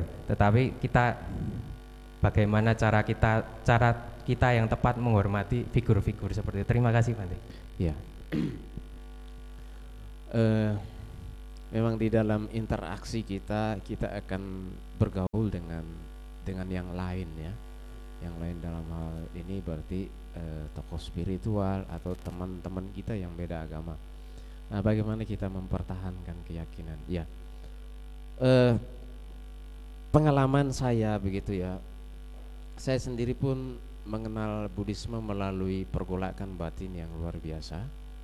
Nah, tetapi ketika saya sudah belajar Buddhis, kemudian saya kembali melihat uh, ajaran misalkan uh, Injil misalkan itu ya, saya menemukan pemahaman yang baru.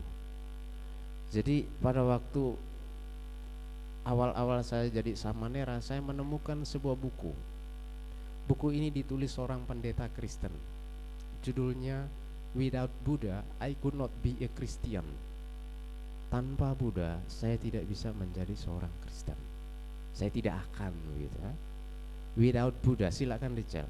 Namanya Paul Knitter Without Buddha, I could not be a Christian. Nah, kemudian saya baca buku itu, saya pikir ini orang stres apa ya? Apa maksud dia begini? Sejak itu, dari buku itu saya tidak paham. Maksudnya ya saya paham-paham sedikit lah. Tetapi saya juga harus mengalami sendiri.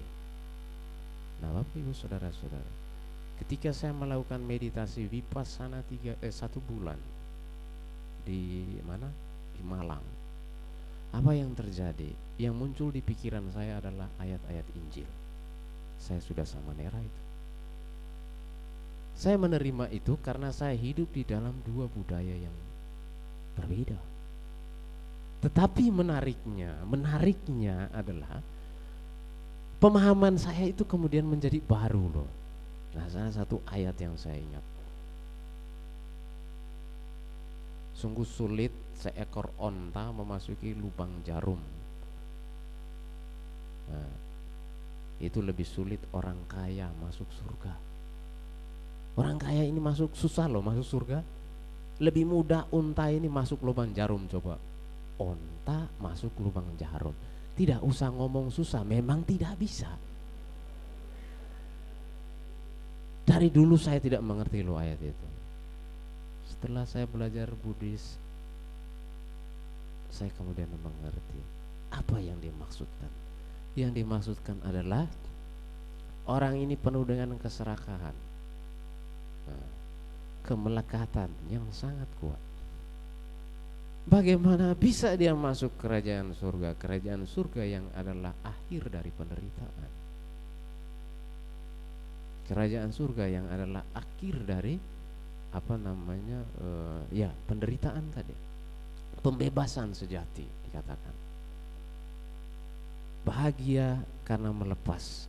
Namun orang ini dia bahagia karena memiliki. Wangel. Dia pegang terus gitu ya eh susah dia untuk masuk dia harus melepas nah itu adalah salah satu ayat jadi ketika saya diminta untuk memberikan salah satu seminar di biara katolik yang ada di Yogyakarta di Condong Catur saya diundang sebagai pembicara dengan tema kerahiman ilahi apa yang saya bicara waktu itu tentang Injil semua pembicara yang di sebelah saya waduh kok Bante ngomong Injil semua ya saya jadi saya jadi rendah rendah diri begini. Itu tafsiran preman. Saya bilang Romo. Kalau Romo kan belajar teologi, saya ini belajarnya belajar preman, jadi suka-suka saya gitu. Jadi mohon maaf saya bilang begitu. Oh iya tapi kan memberikan masukan. Nah, jadi terkait dengan hal ini ya, saya sendiri mengalami fase seperti ini. Tadi saya ragu-ragu, kemudian saya menjadi Buddhis yang sangat militan. Pernah.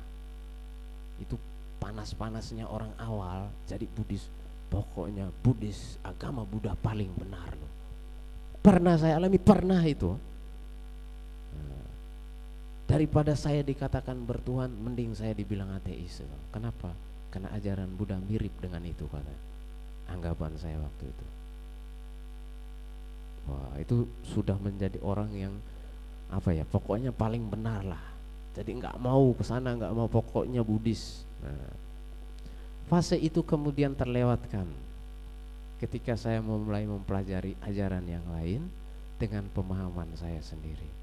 Tetapi dasar saya tidak akan pernah goyang lagi. Jadi kalau saya mau dibawa ke sana ke sini, yang ada nanti mereka-mereka itu loh yang saya pengaruhi saya nggak akan terpengaruh itu bukti kalau saya Buddhis apa namanya soal keyakinan saya sendiri tidak akan goyang itu situ ke sana saya mau ke sana tunggu saja berapa lama. Itu orang-orang di sekitar saya akan melenceng semua seperti saya. Nah, Flores pun sama. Kuliah pun sama sampai bu buat UKM lintas eh UKM apa namanya? Keluarga mahasiswa Buddhis di Universitas Katolik gitu. Ya cikal bakalnya ya masuk saya masuk. Teman-teman tadi yang bukan Buddhis jadi pada Buddhis semua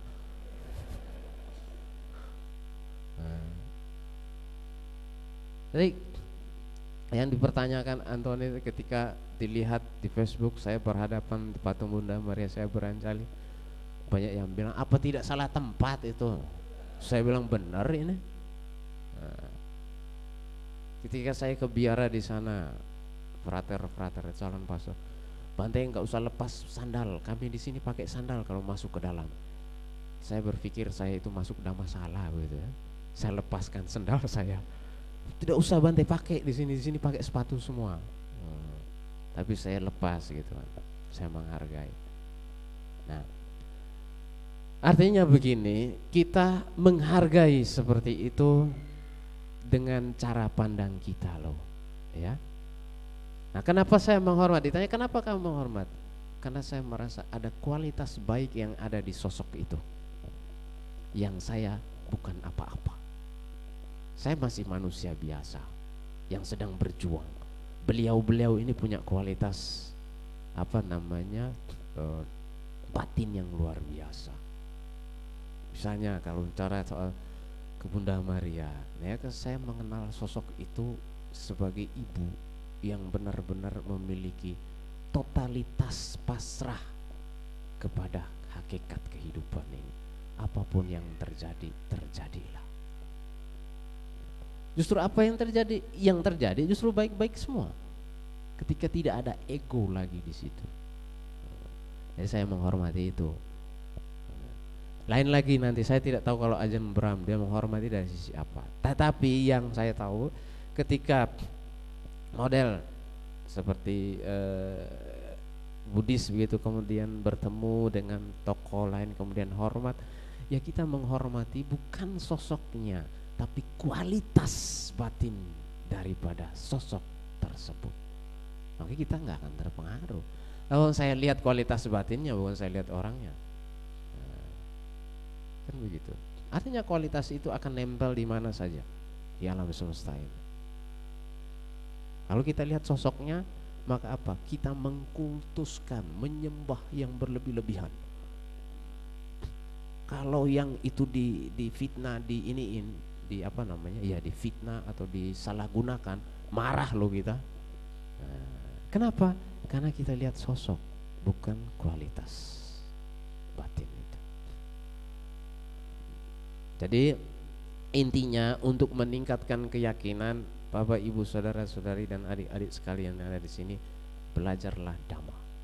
Nah, belajar itu di mana saja, entah di rumah, di kosan. Nah, kalau saya dulu pengalaman saya awal-awal belajar dhamma itu ke mana-mana yang diskusi dhamma, sampai teman saya itu muak loh itu ngomongin agama Buddha terus pusing saya, yang pusing-pusing mental sendiri. Tetapi yang butuh itu tertarik sendiri seperti magnet. Saya dulu pengalaman kuliah saya begitu. Teman saya ini jauh, saya justru tidak begitu akrab. Tetapi sekali ketemu saya, dia sulit sekali melepas. Kenapa? Karena jodoh damanya ini kuat sekali. Nah teman saya yang seiring sejalan begitu, kalau ngomong dama dia langsung kabur. Kenapa? Tak cocok dia bilang. Itu kamu omong apa? Itu agama Buddha terus bosan saya dengar. Jadi agama Buddha ini karena kita harus belajar kita harus terapkan di dalam kehidupan sehari-hari maka kita terus belajar kapan pun di mana pun selama nafas ini masih ada belajar terus. Ya. Fisik kita ini berkembang jangan sampai spiritual kita macet. Ya oke orang bisa umur 30 tahun 40 tahun 50 tahun tapi spiritualnya masih anak 10 tahun. Kenapa? Dia hanya mengembangkan fisik. Kalau spiritual di dalam agama Buddha bukan cuma sembayang selesai, tapi belajar. Dengarkan dhamma, mempraktekkan meditasi, ikut retret, diskusi lain sebagainya. Maka dengan demikian spiritual kita berkembang sesuai dengan harapan guru agung kita. Ke mana pun kita pergi kita tidak akan goyang. Kenapa? Sudah kuat. Tidak akan merasa terancam. Ya itu jawaban saya. Dan saya pikir sudah ya, kita ya. Masih. Nah budaya Bante. Nah, saya kan baru belajar agama Buddha, mungkin jadi uh, kurang tahu banyak lah tentang agama Buddha. Nah kalau di agama Hindu kan itu nggak ada namanya surga dan neraka. Jadi tujuannya itu uh, menyatu dengan Brahman. Nah terus kalau di agama Buddha itu apakah ada surga dan neraka? dan sebenarnya tujuan utama agama Buddha tuh apa terus karena menurut saya Buddha sama Hindu itu ajarannya hampir sama terima kasih Iya, ini newbie ya. Ya, saya dulu juga begitu ke mana-mana ikut dhamma kelas tanya gitu kan. Ya, eh, Brahman dulu ya berbicara tentang Brahman. Brahman ini adalah realitas tertinggi daripada uh, umat beragama Hindu yang mereka percayai, yang mereka yakini. Nah, ketika seseorang itu moksa, maka dia menyatu dengan Brahman ini. Di dalam diri kita itu ada apa namanya bibit-bibit uh, Brahmanan itu ya. Nah nanti ketika kita meninggal melalui proses kelahiran kembali kelahiran kembali kelahiran kembali reinkarnasi. Nah nanti kalau sudah cukup maka menyatu dengan Brahman yang besar ini yang dikenal dengan moksa nah itu ajaran Hindu sekilas seperti itu. Nah di Buddha di Buddhisme ada 31 alam kehidupan ya. Ada 31 alam kehidupan dan selama kita masih memiliki loba keserakahan loba atau keserakahan kebencian atau dosa moha kebodohan batin ketika masih ada ketiga akar itu maka kita akan terus berputar-putar di alam-alam tadi. Entah surga kalau perbuatan baik kita banyak kita akan ke surga kalau perbuatan baik kita sedikit jeleknya banyak kita alam ke alam apa ya? Alam apa itu alam rendah. Seperti apa? Binatang setan setan kelaparan ya. Yang nongkrongnya di pintu gitu kan. Jalan atau di toilet. Hati-hati mandi. Ada yang lihat itu. Itu ada setannya juga. Kemudian binatang, kemudian yang paling mengerikan itu neraka.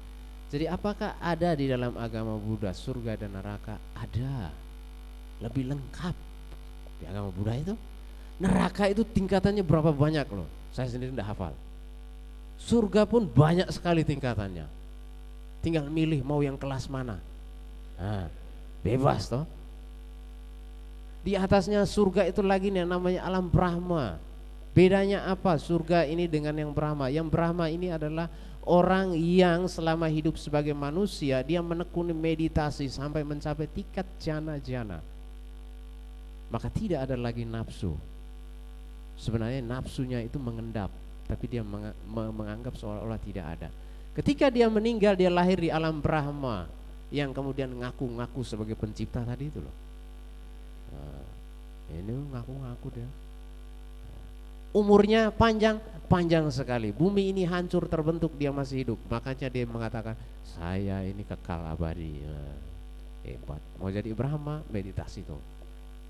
Mana bisa Brahma meditasi tiga menit saya sudah kursak kursuk kursak kursuk.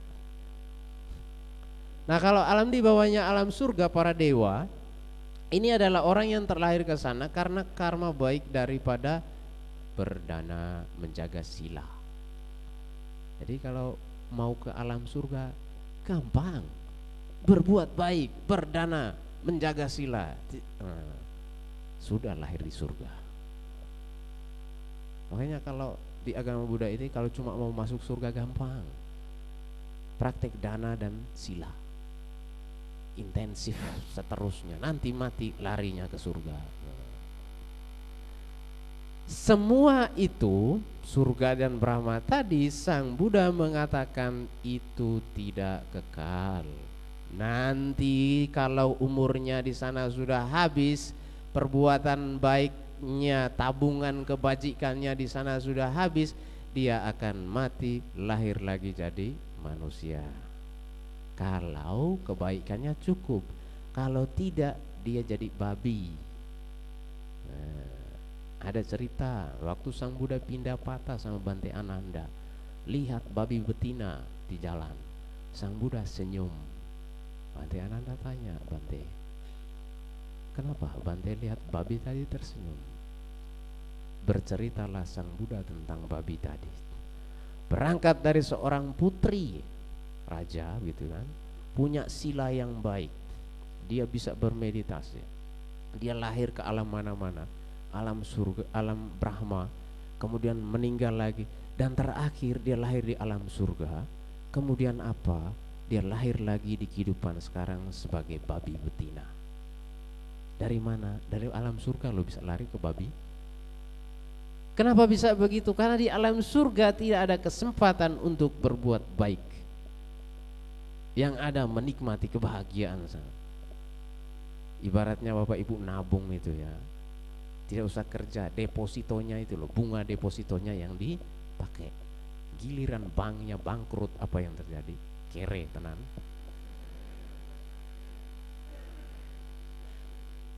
Dalam surga pun demikian. Nanti kalau habis tabungannya maka akan terlahir lagi di alam yang di bawahnya. Biasanya alam di bawah lebih rendah. Nah sang Buddha melihat kok manusia ini muter-muter begini terus ya Apakah ada jalan untuk bebas dari lingkaran kelahiran kembali ini? Ternyata ada. Sang Buddha melalui proses beliau bertekad dari tak terhitung kelahirannya kemudian melalui meditasi dari jam 6 sore jam sampai jam 6 subuh 12 jam beliau duduk beliau mengamati kehidupan ini memahami hakikat hidupnya sendiri dan yang terakhir beliau menemukan oh ada cara untuk bebas dari lingkaran samsara beliau merumuskan empat kesunyataan mulia hidup ini duka kenapa yang lahir di surga pun nanti lahir jadi alam rendah lagi. Duka kan? Ya duka. Nah yang punya jabatan tinggi nanti juga akan pensiun. Apa yang terjadi? Terjadilah penyakit post power syndrome ya. Ya, saudara Frank ya. Dia gagah perkasa, begitu dicopot dari jabatannya, duka. Nah, semua mengalami seperti ini. Apa yang menyebabkan adanya nafsu keinginan? Kita lahir kembali Bapak Ibu ya. Kita berkumpul kembali di Magadama ini, ya ini karena punya tanah juga.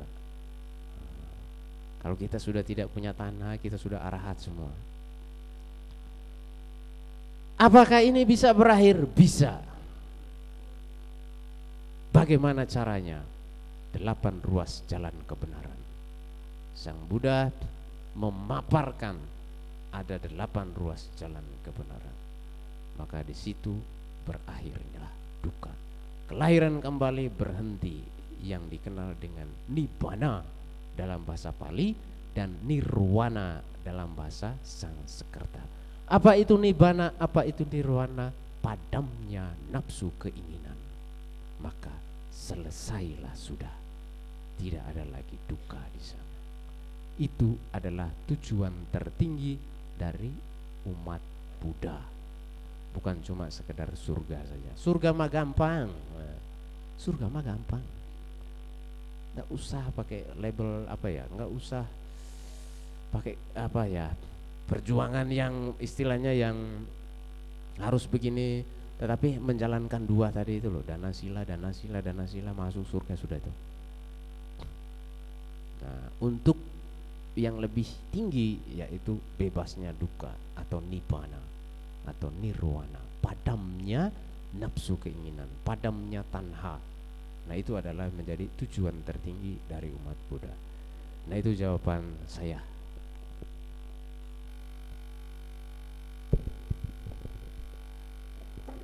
uh, ada satu pertanyaan tertulis Bente mungkin satu pertanyaan terakhir untuk sesi pertama ini uh, mengenai personal God uh, yaitu mengatakan mengenai Tuhan Maha Pencipta. Lalu bagaimana bumi ini diciptakan dan manusia itu tercipta, Bante? Terima kasih. Ini dalam konsep Buddhis atau bagaimana itu? Ya, di dalam konsep Buddhis itu tidak ada ya. Bagaimana? Nah, tidak ada disebut dengan ada satu makhluk yang menciptakan bumi ini. Ada makhluk yang menciptakan bumi ini, ada makhluk yang kemudian uh, mengawasi atau apa tidak ada. Di dalam Buddhis kalau kita mau mencari keselarasan itu ada hukum namanya paticca samupada. Saya harus menjelaskan sedikit perbedaannya. Kalau di dalam pandangan agama samawi pada umumnya yang kenal dengan penciptaan, maka dia melihat kehidupan itu seperti garis linier begini ya ada alfa, ada omega.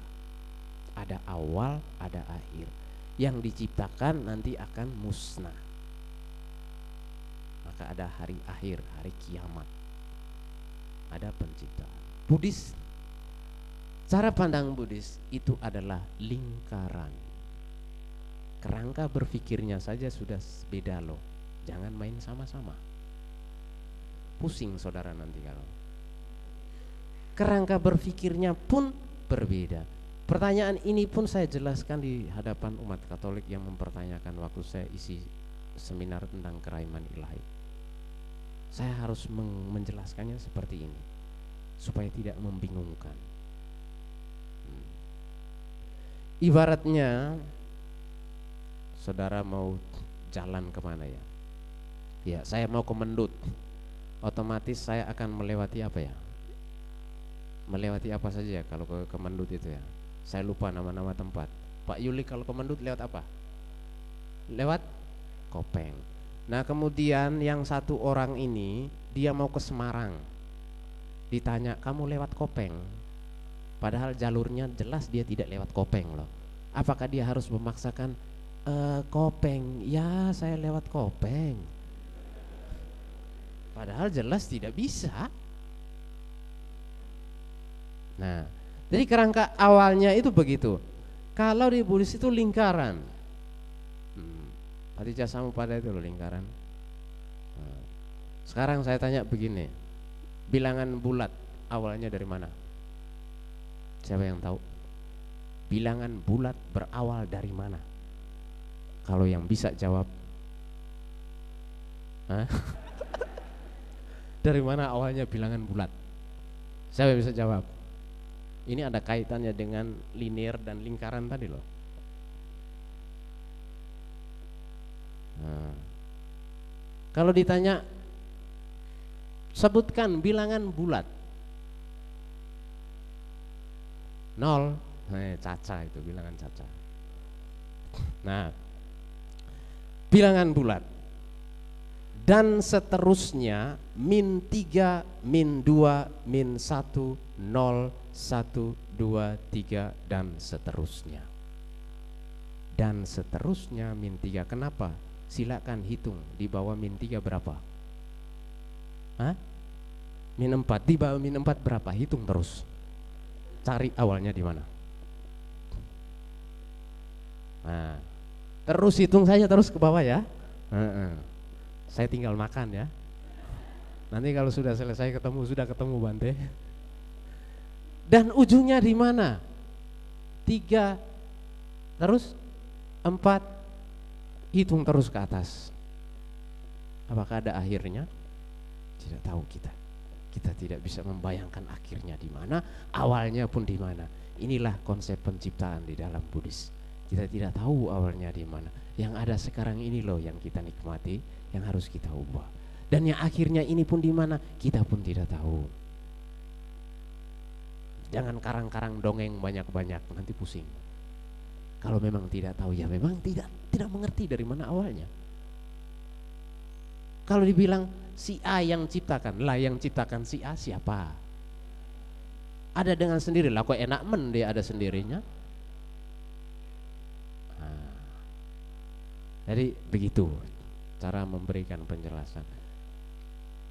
Cara berpikir Buddhis berbeda. Katakan saja kalau memang kita beda, katakan sama kalau kita sama. Jangan memaksakan kita beda untuk sama. Eh, dia laki-laki, kamu harus perempuan dong. Paksa dia jadi perempuan. Yang ada dia jadi bencong. Eh, ya, begitu ya. Cukup sekian ya. ya.